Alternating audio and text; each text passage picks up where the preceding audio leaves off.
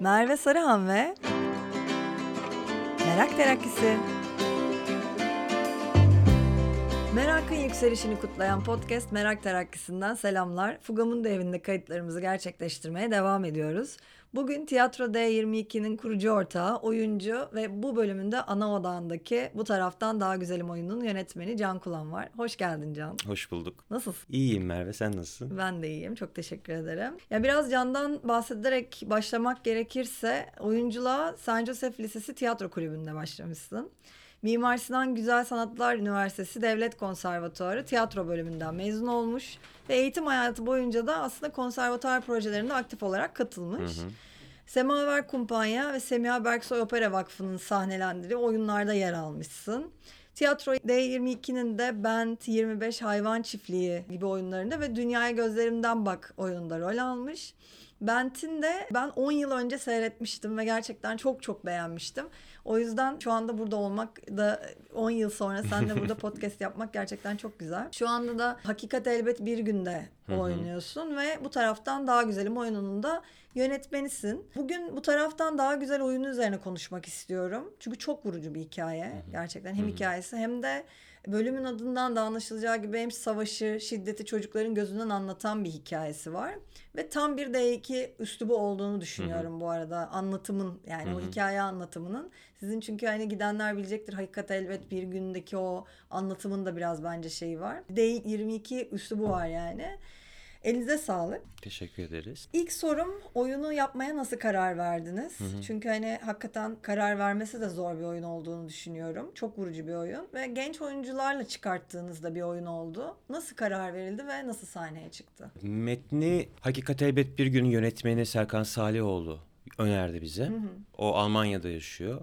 Biz de gel Serkan yönet o zaman dedik. Fakat işte gelemedi falan filan. Fakat biz metni çok sevdik. Ve sonra ben dedim ki en son bir sezon toplantısında, önceki sezonun sonunda ben bu oyunu yönetirim. Ve iki tane oyuncu aramaya başladık. Birkaç kişiyle konuştuk. Bilinen insanlardı. Fakat iki tane aslında görece küçük gözüken lise, ilkokul, lise talebesi olabilecek iki kasta ihtiyacımız vardı iki oyuncuya. Bir şekilde o düşündüğümüz insanlar olmadı ve sonunda şöyle bir karar verdik. Hadi bir audition açalım. Konservatuardan yeni mezun olmuş insanlara fırsat verelim.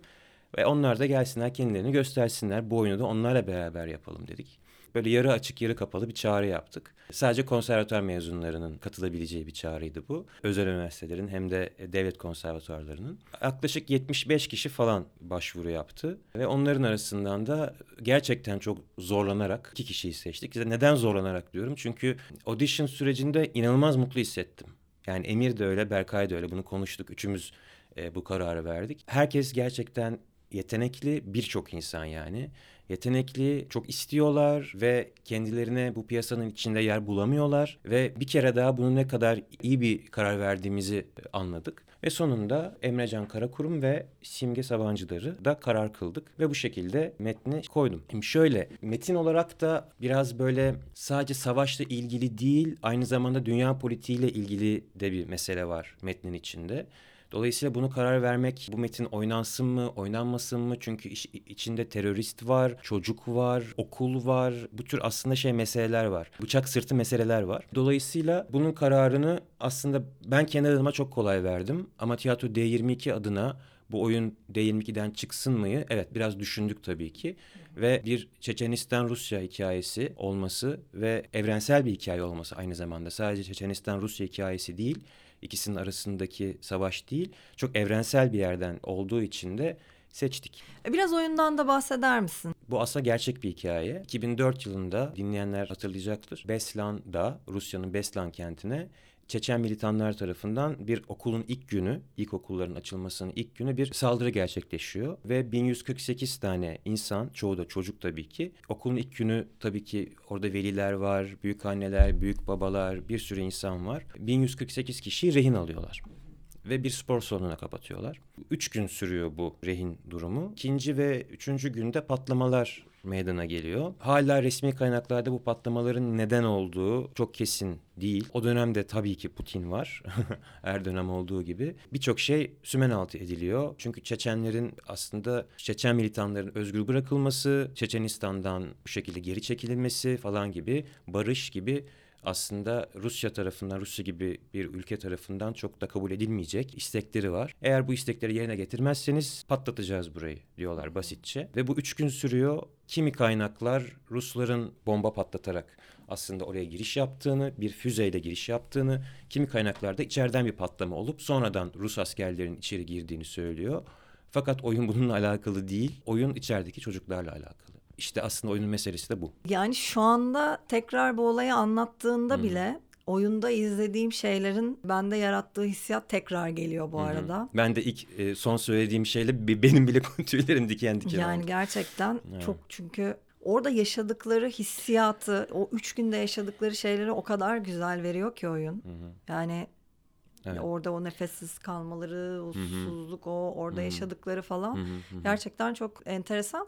Bir de metnin içinde aslında bu söylediğin hani patlama dışarıdan mı içeriden Hı-hı. mi'nin biraz bir karar verilmiş ve aslında oyunun içine yedirilmiş bir hali de var. Ama Hı-hı. güzel bir hikayenin de devamı haline gelmiş. Yani ya bir karar bir şey olsa da. Ya evet bir karar verilmemiş aslında oyunda. Çünkü oyunun genelinde çocukların gözünden anlatıldığı o için her şey evet. e, yani oyunun sonuna doğru aslında ne olduğunu çocukların anlattığını görüyoruz ama onların gözünden görüyoruz ve ikisi de farklı şeyler anlatıyorlar. Ve farklı şeyler anlattıkları için de aslında kimin nereden nasıl girdiği, içerideki militanları mı patlattığı yoksa Rusların mı içeri girdiği falan aslında belli değil. Yani resmi kaynaklara bakmayalım. Diğer kaynaklarda dikkate alınan kaynaklar da var. Alınmayanlar da var. Bazı ım, tanıklıklara dayalı söylemler de var bazı gazetecilerin yaptığı araştırmalar, hatta ve hatta araştırma yapmak isteyen gazetecilerden birinin uçağının düşürüldüğü gibi bir e, hikaye ya. de evet Oo. öyle bir hikaye de var ve gazetecinin de ortadan yok olduğu çünkü elindeki belgelerin açığa çıkmaması için çünkü çok büyük bir şey düşününce. Yani eğer gerçekten hani konumuz bu değil ama e, evet evet e, ama yani. yani insan ister istemez bu politiğin içine giriyor. Yani gerçekten Ruslar yapmış olsa dünyada müthiş bir infial olur. Bu noktada Ruslar kendi çocuklarını mı öldürüyor olur, e, evet. politika uğruna gibi bir durum olur. Hala soru işareti. Tabii biliyorsun dünya tarihinde böyle şeyler azımsanamayacak kadar çoktu. Çok zaten acı bir olay, çok Hı-hı. korkunç bir olay ama bir yandan da mesela hani bunun bir oyununun olması Hı-hı. ve aynı zamanda bir belgesel olduğunu da e, biliyoruz. Hı-hı. Siz de zaten hani onu seyretmişsiniz, oralara geliriz. Hı-hı. Araştırılmaya devam edebilecek de bir konunun oyununun çıkması da özellikle bence burada evet. güzel ve bir yandan da konu özelinde çok güzel bir katkı. Evet, evet. Ya şöyle ondan da bahsedeyim. Tabii lütfen. Ee, hazır hani o ilk başlarken. 2004 yılında olay oluyor. 2010 pardon 2006 yılında zannediyorum belgesel çekiliyor BBC tarafından. Birkaç tane belgesel var. Fakat BBC'nin belgeseli önemli. Çünkü hiçbir şekilde bir dış ses yok belgeselde. Bir kişi soru da sormuyor. Sadece oradan çıkmış, kurtulmuş çocukları iki sene sonra masanın başına geçiriyorlar. Evlerine gidiyorlar. Bir soru da yok ortada ve çocuklar konuşuyorlar. Biz soruyu duymuyoruz. Ve öyle inanılmaz şeyler söylüyorlar ki o zaman 3 yaşındaysa çünkü onların kardeşleri de var. Okulda okuyanların kardeşleri de orada. Mesela o zaman 3 yaşında, şimdi 5 yaşında ya da 5 yaşında, şimdi 7 yaşında gibi. Öyle şeyler söylüyorlar ki ve Carly Wij de yani oyunumuzun yazarı da bu belgeseli izleyip çok etkilenip 2014 yılında bu oyunu yazıyor. Oyunun içinde belgeselden birebir alınmış o kadar çok cümle var ki çocuğun cümlesi var ki meselede biraz da çocuğun içindeki o saflığı da vermek açısından yazarın çok doğru bir tercih yaptığını düşünüyorum ben.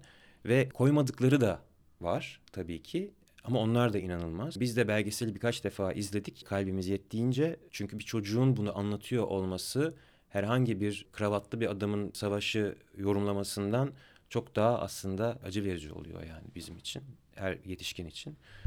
Öyle bir durum. Kuliste Emre Can'la hı hı. soru sorduğumda onlara hı. hani nasıl hissediyorsunuz diye. Bu belgeseli seyrettiğinde çocuğun aslında hani hiç bir yandan tabii ki farkında bir travması hı. olmuştur muhakkak ama bir yandan da hiç sanki bu kötü bir şey değilmiş gibi bunu anlatıyor olması, o konunun heyecanıyla aslında bir şeyleri anlatıyor olması üzerinden ne kadar etkilendiğini söylemişti. Hı hı. Yani çocuk gözünden bunu anlatıyor olmak zaten çok çok evet, vurucu evet. bir şey. İlk yönetmenlik deneyimin miydi? Değil. Hı hı. Ee, kuş öpücüğünü Karabatak'tan ya da 25'ten sonraki oyunumuz Kuş Öpücüğü'nü. Yine Berkay yazmıştı. Hatta kitabında da Kuş Öpücüğü var. Yeni çıkan kitabında.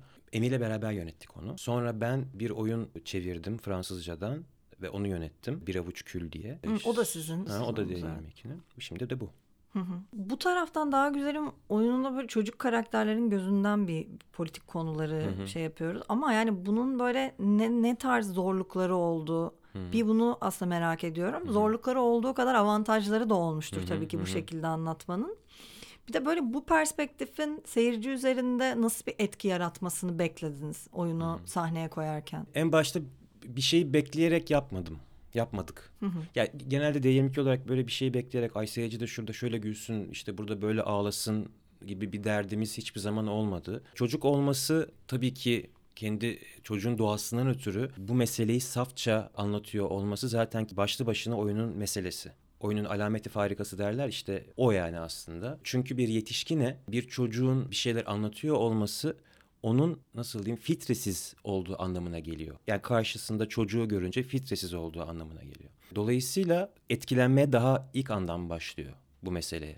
Çünkü biliyor ki bir yetişkin olsa bu başlarına gelen şeyler onun verdiği oydan dolayı olabilir, onun kandırılmasından dolayı olabilen savaşlar neden olur? İnsanlar neden bu kötü hale düşer konuşuyorsak verdiği oydan seçtiği liderden olabilir dediğim gibi kandırıldığı için olabilir ama çocuğun hiç öyle bir durumu yok. Çocuk doğuyor ve ne öğretiliyorsa onu alıyor. Dolayısıyla çocuk bunu anlattığı noktada o zaman işte gerçekten aa deyip bir soru işareti yaratıyor yetişkinde, seyircide. Vicdanına dokunmuş oluyor. Aklına değil daha çok vicdanına dokunmuş oluyor. Ve yetişkin vicdanına dokunan şeyi tutup düşündüğünde ya evet barış gerçekten çok önemli bir şey. Bu çocukların bir günahı yok. Tabii ki oyunun meselesi sadece bir bu çocukların bir günahı yok değil. Sadece çocuklar bundan nasıl etkilendi, nasıl bu noktaya gelindi ve başta neler öğretildi ve neler öğretilmedi çocuklara. Bu çok önemli. Çocuk meselesiyle ilgilenmenin bir yanı bu. Çok kesiyorum ama yani oyunun içinde mesela çocukların bilmediği, ne olduğunu bilmediği ama o böyle büyüklerden öğrendiği ve söylediği şeyler de vardı. Onlar da mesela çok güzeldi. Evet ona geleceğim. Şimdi de söyleyebilirim. Şöyle bir şey var. Çocuklar, şimdi benim de iki yaşında bir çocuğum var.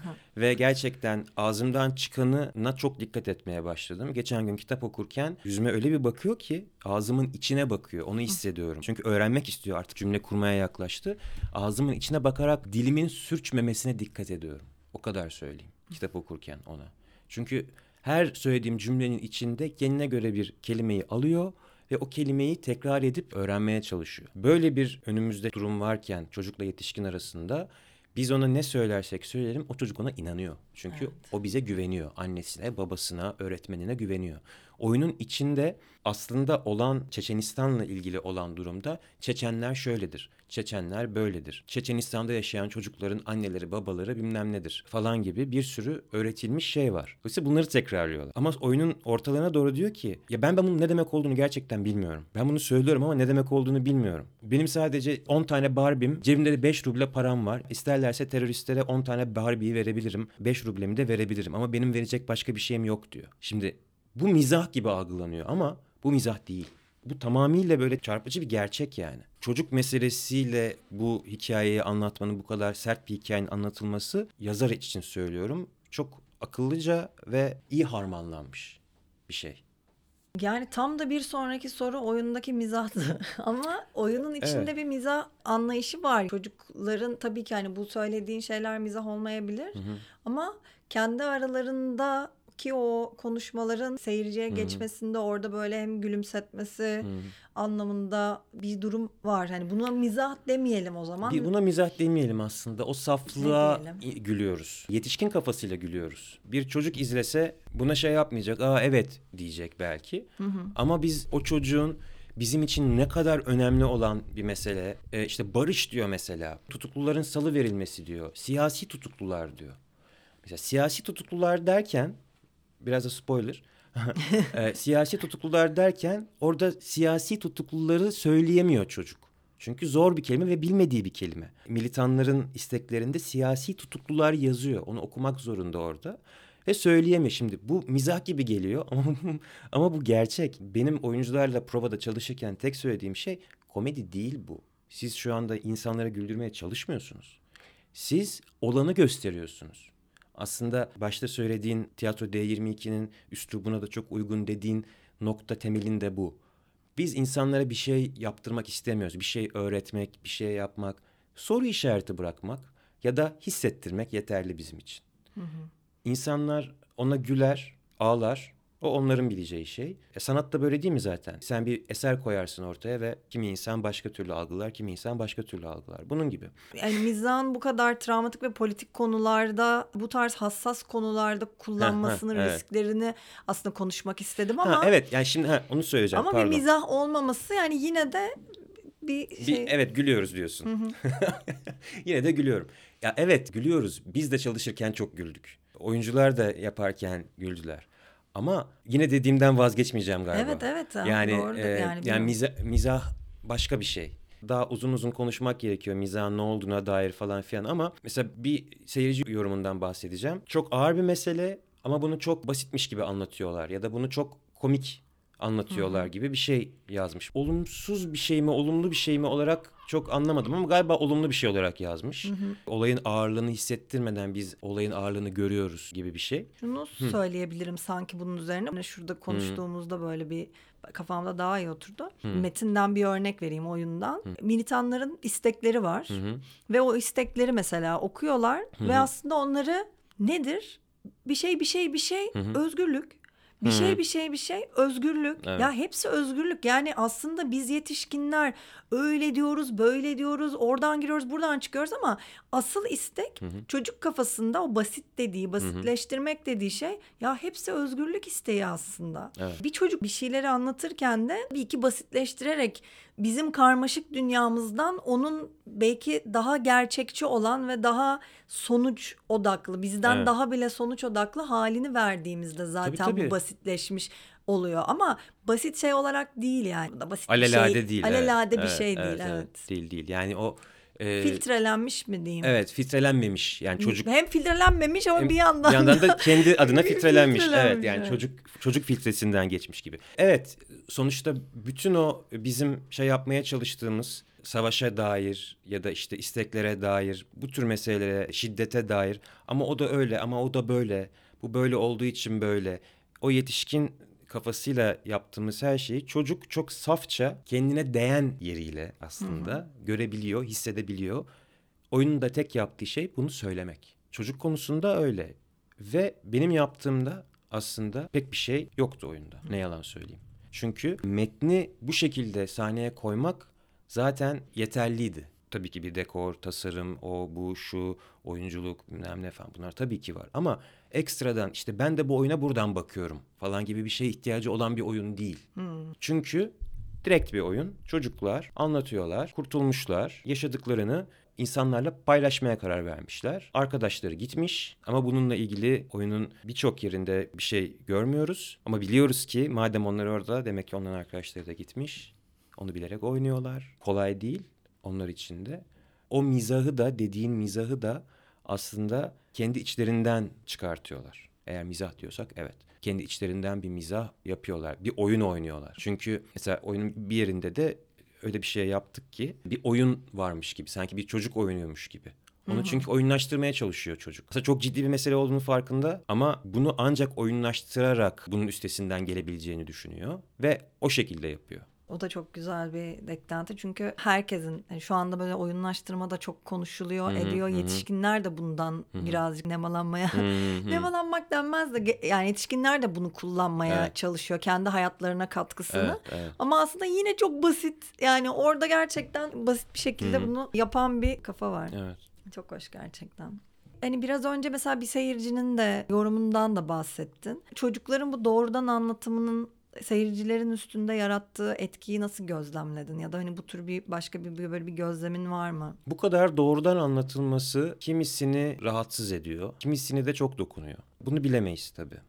Ama ben iki tarafı da gördüm, dinledim. Rahatsız ettiği nokta yani bu meseleler de böyle anlatılır mı canım gibi bir yerden. Evet anlatılıyor yani bir şekilde bu yazar yazmış biz de oynuyoruz ve bu meseleyi anlattık mı? Evet anlattık. Demek ki anlatılabiliyor bu meseleler. Hı hı. Kimseye de incitmedik bu noktada. Bir tarafta aslında bundan çok etkileniyor. Çünkü kendi hayatından da bir şeyler buluyor. Okuduklarından bir şeyler buluyor. Aile tarihinden bir şeyler buluyor. Mesela benim yengem çok da yakında yani dayımın eşi. Çok uzun süreler çocukken babasının işte diplomat olması vesilesiyle Kuzey Afrika'da yaşamış. Ve orada savaş çıkıyor. Şimdi ülke ismi veremeyeceğim çünkü hatırlamıyorum. Savaş çıkıyor. Tam onlar oradayken konsoloslukta. Üzerinden füzeler geçiyor. Gerçekten bir ajan filmi gibi arabaya atlıyorlar gidiyorlar falan kurşunlar onlar bunlar kaçıyorlar. Bunu yaşamış biri tabii ki çok başka bir tepki veriyor. Kimisi gerçekten hani oyunun sonunda bizim anlatmaya çalıştığımız çocuğun gözünden neler yaşandı aslında, neler yaşanıyor ya da neler hissediyor meselesini anlıyor ve çıkıyor. Bunlar bu şekilde anlatılır mı diyen de Hı hı. oldu. Oldu. Nasıl şey yaptım hani bu şekilde anlatılır mı mı diye mi sordu yoksa hani hayır, hayır. anlatmaya bir önerisi var mıydı mesela şu hayır şekilde canım yani ya bunlar bu şekilde anlatılır mı yani keşke böyle olmasaydı falan. Yani bu metinle alakalı bir şey. Böyle bence daha iyi. Yani anlatabiliyor muyum? Çünkü artık şeyi çok gördük. Allah'ım acı dram keder bu çocuklar da mahvoldu. Evet bu çocuklar mahvoldu. Bunu biliyoruz. Ama bu çocuklar ne düşünüyor bunun adına? Ve ya da biz. Oyun sadece şeyle ilgili değil. Bunu da anlatmaya çalışıyorum. Savaştan etkilenmiş çocuklar gibi bir şey değil. Bu kadar şey daha derin bir şey. Aslında yetişkinin de kendini bulabileceği bir yerde. Neden? Aslında biraz önce geldiğimiz noktaya geliyoruz. Biz onları ne öğretirsek onlar onu öğreniyor. Vicdanlı yetiştirirsek, sorgulayan bir şekilde yetiştirirsek, onlara kendi heybemizdeki e, şiddeti, ırkçılığı yansıtmazsak, o kalkanı onlara tutarsak eğer büyüdüklerinde başka bir insan olurlar. Belki de bu şiddet zinciri bu şekilde devam etmez. Çünkü oyunun birçok yerinde bu oyunda yoktu. Belgeselde var. Diyor ki küçük bir çocuk gidiyor ve teröriste diyor ki neden buradayız? Neden bizi tutuyorsunuz burada? Bizimle ne ilgisi var? Ben seni tanımıyorum diyor. Ya çocuk da herhalde 7-8 yaşlarında falan. Adam da diyor ki ona çünkü senin ülkendeki insanlar kuzenlerimi, dayımı, kardeşimi ve bilmem kimi öldürdü. Şimdi sıra bende diyor. Bu bir şiddet zinciri. Bunu kırmak tabii ki çok zor ama sanatta böyle bir şey. Sanatta bunun için var yani. Bunu kırmaya çalışmak için. Edebiyat bunun için var. Sanat bunun için var. Çünkü başka türlü kendimize nefes alacak alan açamıyoruz. Ancak bu şekilde açabiliyoruz. Bir de yine mesela o kişinin bunu hani senin insanların, senin velilerin Hı-hı. benim Hı-hı. onumu bunumu öldürdü Hı-hı. dediğinde yine bir yetişkin Tabii, bir tabii. tarafından yani tabii hani. Ki, tabii o yüzden ki. gerçekten farklı bir yönden bakmaya ihtiyaç tabii var. Ki, yani ne tabii. kadar tarih şöyle olmuş, böyle Hı-hı. olmuş, işte büyükler bir araya gelip ya böyle Hı-hı. olmalıydı, şöyle olmalıydı tartışsa da Hı-hı. baktığın yer başka bir yer olunca Hı-hı. ve gerçekten işin içinde hiç senin onu yaparken düşündüğün yerden bakmayan birinin hmm. gözünden bakınca hı çok başka oluyor. Neden anlatılmasın ki?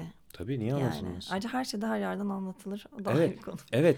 ayrıca şu da yanlış anlaşılmasın. Tabii oyunu izlemeyenler de dinleyecek bunu ama ya da izleyecek. Oyun bir taraf tutmuyor. Evet. Evet. Yani, o da çok güzeldi bu arada. Oyun bir taraf tutmuyor. Çünkü Çeçenlerin yaptığı aşikar, Rusya'nın yaptığı aşikar. Ortada kalanları anlatıyor ve onların nasıl yetiştirildiklerini gösteriyor nasıl bu noktaya gelindiğini gösteriyor. Neler hissediyorlar, neye hak veriyorlar, hı hı. neye vermiyorlar. Fiziksel ve ruhsal olarak ne yaşıyorlar? Yani boyutlu bir şey aslında. Evet bence oyunda o iyi verilmişti bu arada. Hı. Hem çocukların o kendi işte velilerinden öğrendiği hmm. şeyleri söylemeleriyle hem aslında iki tarafın da taleplerinin gerçekten ne olduğunun anlatılmaya çalışılmasıyla hı hı. ama ortada hani yanının da kim olduğunu çok zaten bariz bir şekilde hı. göstererek hı. bence objektif bir bakış açısı var yani oyunda onu da söylemem evet, lazım. Evet evet olmasaydı zaten değir ki bunu oynamazdık.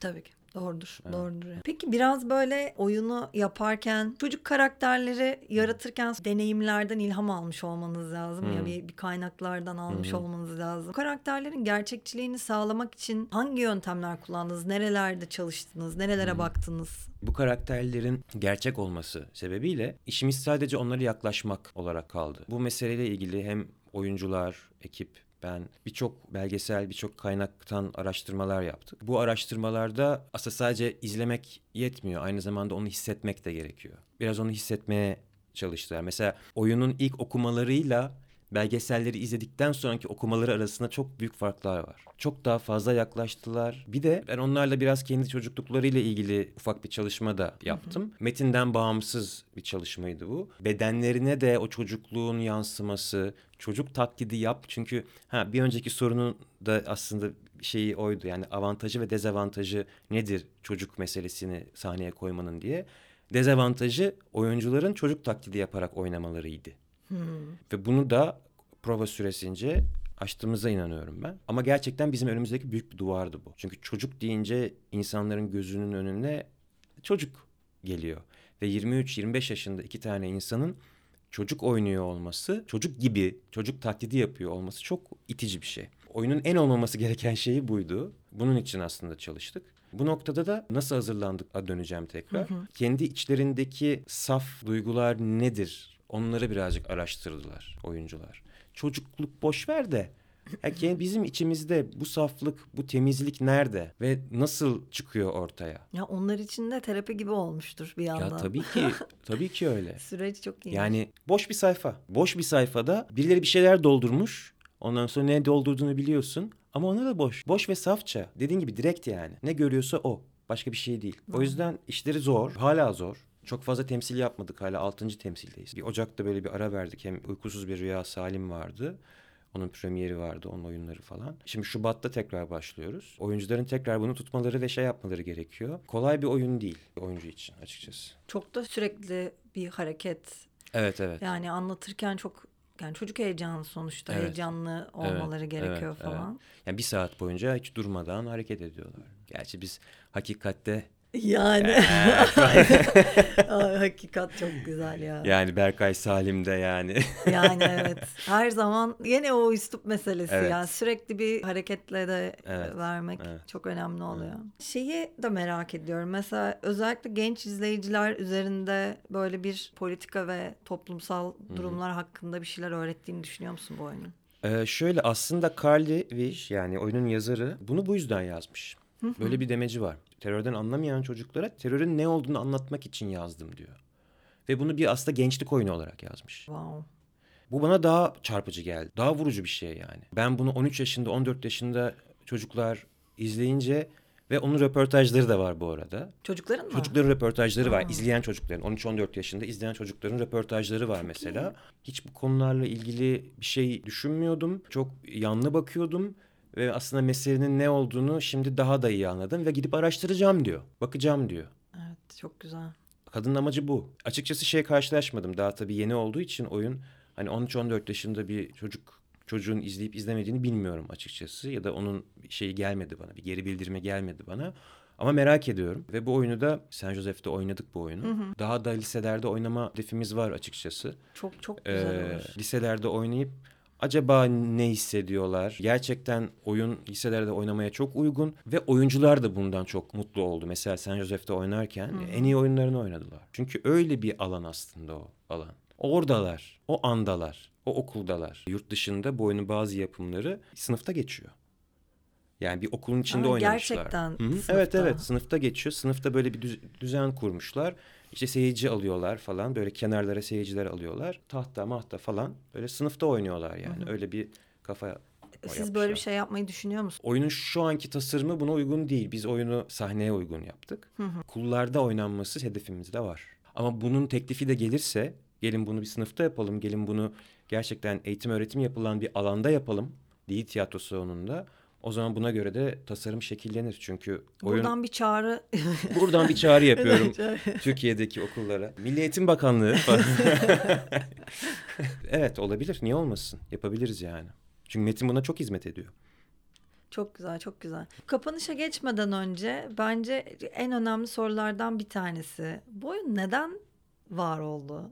Bizim için derdi olan oyun önemli. D22 için. Daha çok bireysel dertlerden toplumsal dertlere evrilen şeyler bizi aslında heyecanlandırıyor. İlla ki böyle oyunlar koymak değil tabii ama bizi heyecanlandıran galiba bu kadar sene beraber üretip bize üçümüzü de heyecanlandıran şeyin bu olduğunu anladık. Ve bu oyunda aslında böyle bir oyun. Sizi Yani- sıkı izleyen de bunu anlıyordur bu Evet arada. mutlaka mutlaka. Yani aslında mesela en bireysel oyun gibi izleyebileceğimiz yeni oyun Uykusuz Bir Rüya Salim bile bireysel bir dertten aslında çok daha büyük toplumsal bir derde parmak basan bir Tabii canım. oyuna sahip. Of. Bir metne sahip. Berkay bunu iyi yapıyor. Diğer oyunlarında da öyle. Bizim oyuna gelecek olursak bizim oyun çok günümüz. Çok gerçek. Çocukların yaşadığı şey çok gerçek ve kötü bir tesadüftür ki oyunun premierinden bir hafta sonra aşağı yukarı ya da 3-4 gün sonra Filistin'deki olay patlak verdi. Evet. İsrail-Filistin savaşındaki çocukların durumu herkesin gözlerinin önüne geldi. Evet kötü bir tesadüf ama demek ki böyle devam ediyor. Ve bunları gördükçe bu oyunun neden hala oynanması gerektiğini, neden seyircinin defaatle bu oyunu izlemesi gerektiğini. Gelin de oyun izleyin diye değil. Gerçekten bu metni bir dinleyin. Ey seyirci bir dinleyin bu metni bir izleyin. Emin olun bir şeyler yaratacak kafanızın içinde. Ve belki üzerine bu kadar düşünmediğiniz vicdanen yaralanmak değil olay. Vicdanen yaralanmak için kimse oyun izlemez. Sadece bazı şeylerin soru işareti olur ya kafada. O soru işaretlerini biraz çoğaltmak ve kendimizi düşünmeye itmek istiyor oyun. İnsanları düşünmeye itmek istiyor bu noktada. Yiğit Hoca'nın çok güzel bir şeyi vardı. Biz 25'i Yiğit Hoca'ya yaptık. Bir röportajda bu oyun seyirciye ne yapmak istiyor diye bir soru gelmişti. Sadece lan demişti Yiğit Hoca da. Nasıl yani falan. Lan yaptırsa yeter. Yani acaba soru işareti. Lan ve soru işareti. Yani acaba evet e, çocukların yaşadığı ve bizim çocuklara yaşattığımız şeyin ne kadar bilincindeyiz bilmiyorum. Bence farklı bir açıdan bakmak isterlerse buyursunlar gelsinler. O zaman bu oyunda da aslında farklı bir bakış açısı göstermek hedefiyle o bakış açısını değiştirmeyi hedeflediniz. Tabii ki tabii ki. Yani toplumun genel bakış açısını zaten bireyin genel toplumun demeyeceğim biraz büyük bir laf olur ama bireyin genel bakış açısını değiştirmek ve sadece soru işareti bırakmak bile tiyatronun en büyük başarısı. Bir şey öğretmek değil yani. Bir şey öğretemezsiniz tiyatroyla.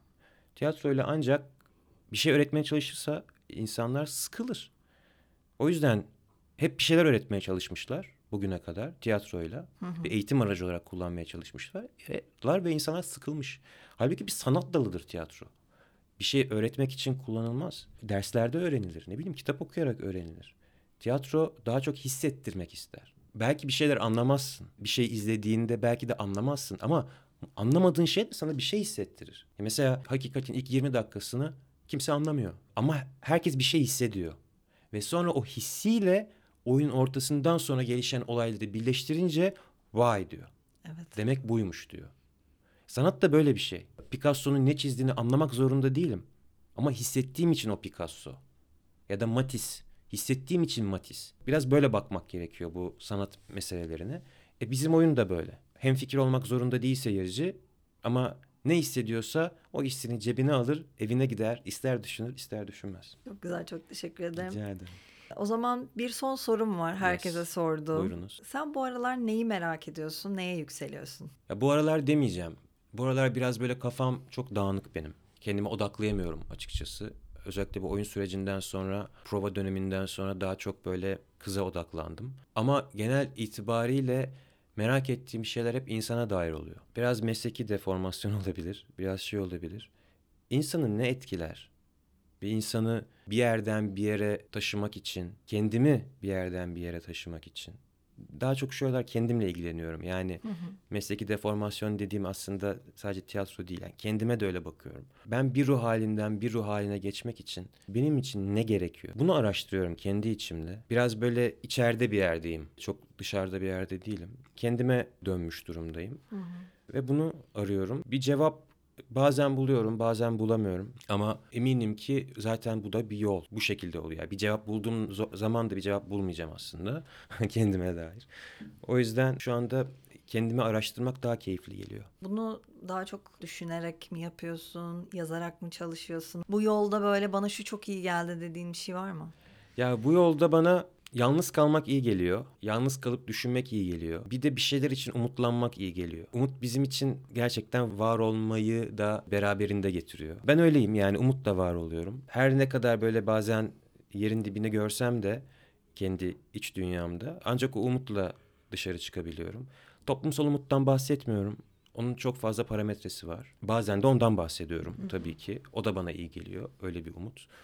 Ama çok umutsuzlandırıldık o noktada. Ama kendime dair ne zaman bir umuda şey yapsam o zaman o günlerim çok güzel ve verimli geçiyor. Şey itibariyle bunu bir yazıya dökeyim, bir resme dökeyim falan daha o noktada değilim galiba. Ee, belki de bir zaman gelirim bilmiyorum. Pişiyordur belki şu Pişiyor anda. yani hep yolda olmak bana çok iyi geliyor ya. Aha. Yani bir şey çıkarmak değil de hep yolda olmak çok iyi geliyor. Çünkü yolda olunca e, insan kendini geliştirebiliyor. Tamam dediği noktada zaten duruyor orada tamamım ben diyor. Ya bu klişe çok doğru bir klişe yani oldum deyince olmaz. O, o- o- tabii ki olmaz. Basamakları ine çıka bir noktada ulaşacağımız yere gitmeye çalışırken öğreniyoruz ve o şekilde de hayat devam ediyor yani. Evet. Keyifli olan bu. Yani zaten yaşamakta bitmediği için hani bitince ölüyorsun çünkü bir şey E, aynen. bir bitiyor. Yani Evet, yaşamak evet. bitmediği için yürümeye devam etmek Evet. gerekiyor gerçekten. E, bir de o, o noktada mesleğimden çok mutluyum. Ölene kadar yapabileceğim bir mesleğim var. Fiziksel olarak sağlıklı olduğum sürece. Ölene kadar yapabileceğim mesleğim var. Düşünebileceğim ve umuyorum aklım olacak. O yüzden de hep yolda olacağım yani. 90'ına gelsem de yolda olacağım. Yani anneannem de öyle mesela. Şu an 94 yaşında. 27 doğumlu falan anneannem. Hep yolda kadın. Yani Çok iyi. hep Uzun yani ömürler. şöyle şöyle olacak, böyle olacak. Bak şu şu şunu alırsak şuradan şuraya şey yaparız falan. Yani hep ileriyi düşünüyor, hep ileriyi düşünüyor. Ölümden çok kolay bahsediyor falan. O noktada hep yolda oluyor olması benim çok hoşuma gidiyor. Hani o yüzden de dinç hep. Peki çok teşekkür ederim. Ne demek çok Gerçekten keyifli çok oldu. güzel, keyifli bir sohbet oldu. Evet benim için. de. Geldiğin için de çok teşekkürler. O zaman son eklemek istediğin bir şey varsa onu da alabilirim. Son eklemek istediğim oyun Şubat ayında 9 Şubat'ta 9 CKM'de ve 17 Şubat'ta Beyoğlu Taksim ara sahnede olacak. Biletleri tiyatrolar.com.tr'den alabilir gelmek isteyenler, merak edenler. Çok güzel bir sohbet oldu benim için. Kafa açıcı bir sohbet oldu. Oyunu bir daha yani provadan sonra bir daha bu kadar uzun konuşuyor olmak çok iyi geldi bana. Oyunun bir daha ne kadar beni etkilediğini ve hayatımda benim de önemli bir yerde. Yani böyle hiçbir şey yapamayacağımız yapamayacağımı zannettiğim bir zaman neler yapabiliyormuşum mu bana hatırlatan bir oyun oldu bu. Öyle bir süreç oldu prova sürecinde. O yüzden de benim için çok önemli bir oyun. Çocuklar da çok seviyorlar oyunu. Simge ile Emrecan da çok seviyorlar. Burhan da bayılıyor. Burhan da bizim her şeyimiz. D22'nin her şeyi. Benim de reji asistanım, Yiğit Hoca'nın da reji asistanı, herkesin her şeyi, tiyatronun da müdürü. Hepimiz çok seviyoruz ve merakla ve istekle seyircileri bekliyoruz. Yeni oyun tarihlerini ve D22'ye dair her şeyde D22'nin Instagram adresinden, Evet. web sitesinden, Twitter adreslerinden takip de edebilirsiniz. Tekrar teşekkür Ben ediyorum. teşekkür ederim. Bir sonraki bölüme kadar kendinize iyi bakın, merakla kalın. Merak terakisi bitti. Fugamundi sundu.